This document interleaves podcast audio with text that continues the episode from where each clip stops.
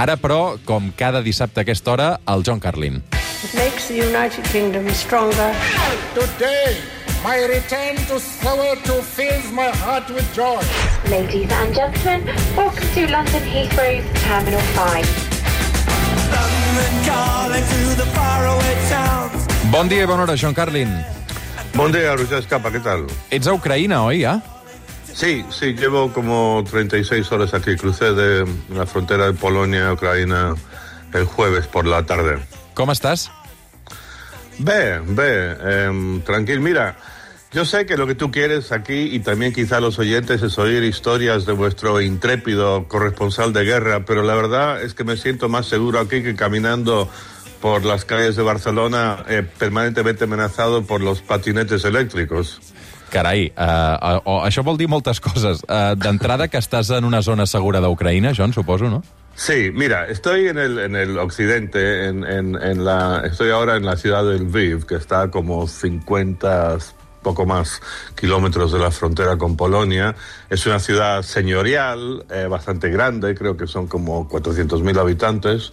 Em, y, y bueno, Mira, eh, el tráfico fluye normal, la gente se para en los semáforos, he visto un par de policías dando multas eh, porque la gente se ha aparcado mal en la calle aquí cerca de mi hotel. Em, la gente camina. Mira, lo que ves es que, em, por ejemplo, los, los bares y el McDonald's están tan llenos eh, y ves más chicas jóvenes que, que chicos. Em, de vez en cuando ves un soldado uniformado caminar por la calle, no muchos, pero de vez en cuando. Em, ¿Qué te puedo decir? Mira, una cosa que, que me ha llamado la atención em, es que estoy viajando con un par de amigos. Uno es un periodista americano el otro es un inglés. Y el, y el inglés habla ruso.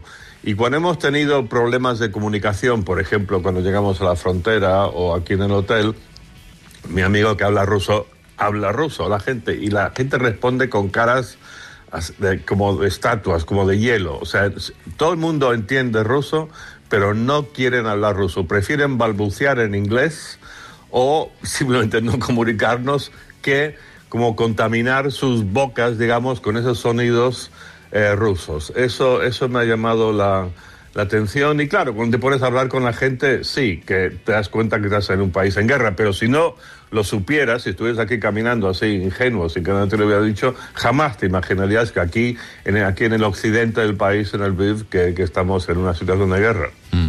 Amb el John Carlin des de Lviv a Ucraïna, uh, dius que fa 36 hores que, que vas entrar a Ucraïna, ho vas fer per Polònia, no, John? Sí, estuve por Polonia. Mira, una cosa debería decirte, perdón, o sea, que no, no, no o sea, es, es todo bastante tranquilo y como te digo, ahora no me he expuesto a, ni- a ning- a ningún tipo de, de- peligro, pero me fui a, una, a un pueblo llamado Sambir em, ayer, muy bonito, por cierto, estaba ahí caminando, fui a entrevistar a una mujer. eh, que por cierto vive en Madrid, pero es de, Ucrania, está ahí visitando a sus padres eh, una, una mujer muy inteligente, académica. Estamos ahí paseando, nos estaba mostrando el pueblo, cuando de repente oímos la sirena de un advirtiendo de un ataque aéreo. Ahora, yo por supuesto me quedé ahí como helado, pero me fijé en, en la gente en la calle y todos, o sea, nadie se inmutó, no pasaba nada. Y le pregunto, bueno, ¿y ahora, ahora qué hacemos? O sea, esta sirena. Y me dice, bueno, podemos subirnos al coche, subirnos al coche, ¿qué nos va a ayudar esto? Bueno, es que lo que pasa es que se ha vuelto como rutina, eh, parece esto de las, de las sirenas, En- aún en un lugar así lejos del frente de guerra como, como este, aquí en occidente del país, pero la gente ahí sigue y, y- y- y parece que como, no sé, em, nueve de cada diez veces no pasa nada, ningún misil, ningún avión ruso, la gente ahí sigue con sus vidas. Esto, esto fue algo que, que me llamó la atención y hubo un contraste entre mi reacción y la de los locales. Pero bueno, sí, perdón, me, me estoy yendo por las ramas. Estuve en Polonia, estuve en Cracovia, una ciudad preciosa, por cierto, que vale la pena visitarla así en plan turista. Y también fui a Auschwitz, que está ahí eh, al lado de Cracovia. Al camp de concentració nazi, eh? al campo de concentración. Mira, no fue la experiencia más agradable de mi vida y no pienso repetir, diré, Roger, pero pensé, bueno, estoy aquí en Cracovia a una hora o menos de Auschwitz, tengo que ir a, a verlo y te, te hacen un tour guiado, como tres horas, y bueno, estuve absolutamente mudo todo el tiempo, o sea, simplemente escuchando y mirando y, no sé, quizá hay muchas cosas que, que te impactan. O sea, señalaría dos. Una que ves todo un, una exhibición de montones y montones y montones de zapatos de, la gente que mataron y lo que en lo que te fijas son zapatos pequeñitos de niños de como tipo dos, tres, cuatro años y eso es muy muy impactante. Después sales a, a un crematorio, lo que fue un crematorio que está totalmente destruido y te das cuenta que esto es una tumba básicamente y las cenizas de cientos de miles de personas están ahí mezcladas con los escombros, con, con la tierra. Eh, es, es, es, como un lugar que, que no sé, es, es, el lugar emblemático de la más absoluta maldad humana. Es muy, muy fuerte y mm, bueno, es algo que creo que tuve que hacer, però com digo, no pienso, no pienso repetir. I en què s'ha convertit ara Auschwitz? Eh, perquè no sé si és un... un, un mm, no ho vull dir així, però és ple de turistes? Sí, sí, bueno, estaba, estaba lleno de, de turistas. Mira, de vez en, en, general la gente se forma de, de manera, se, comporta de manera muy eh, respetuosa. Eh, un porcentaje muy alto de la gente ahí, eh, judíos, por supuesto, que algunos, por supuesto, también con, con parientes que murieron ahí. Pero de vez en cuando ves a, alguien hacerse un selfie frente a las vías ahí del ferrocarril que trajeron los trenes y piensas, Dios mío, por favor, qué, qué, qué barbaridad, qué, qué poca eh, seriedad, solemnidad dado lugar.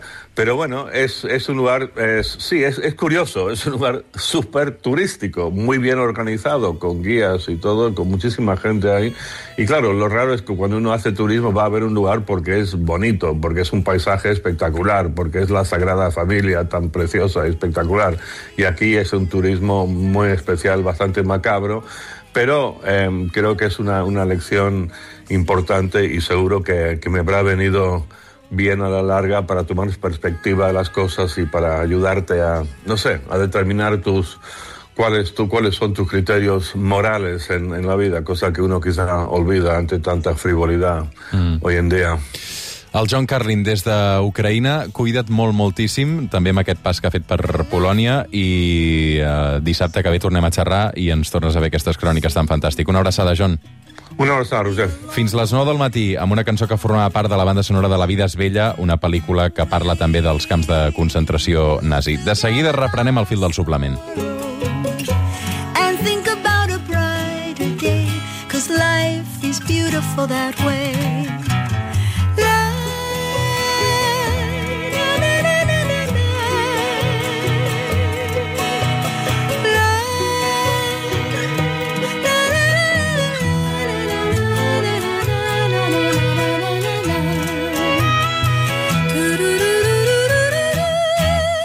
El suplement, amb Roger Escapa.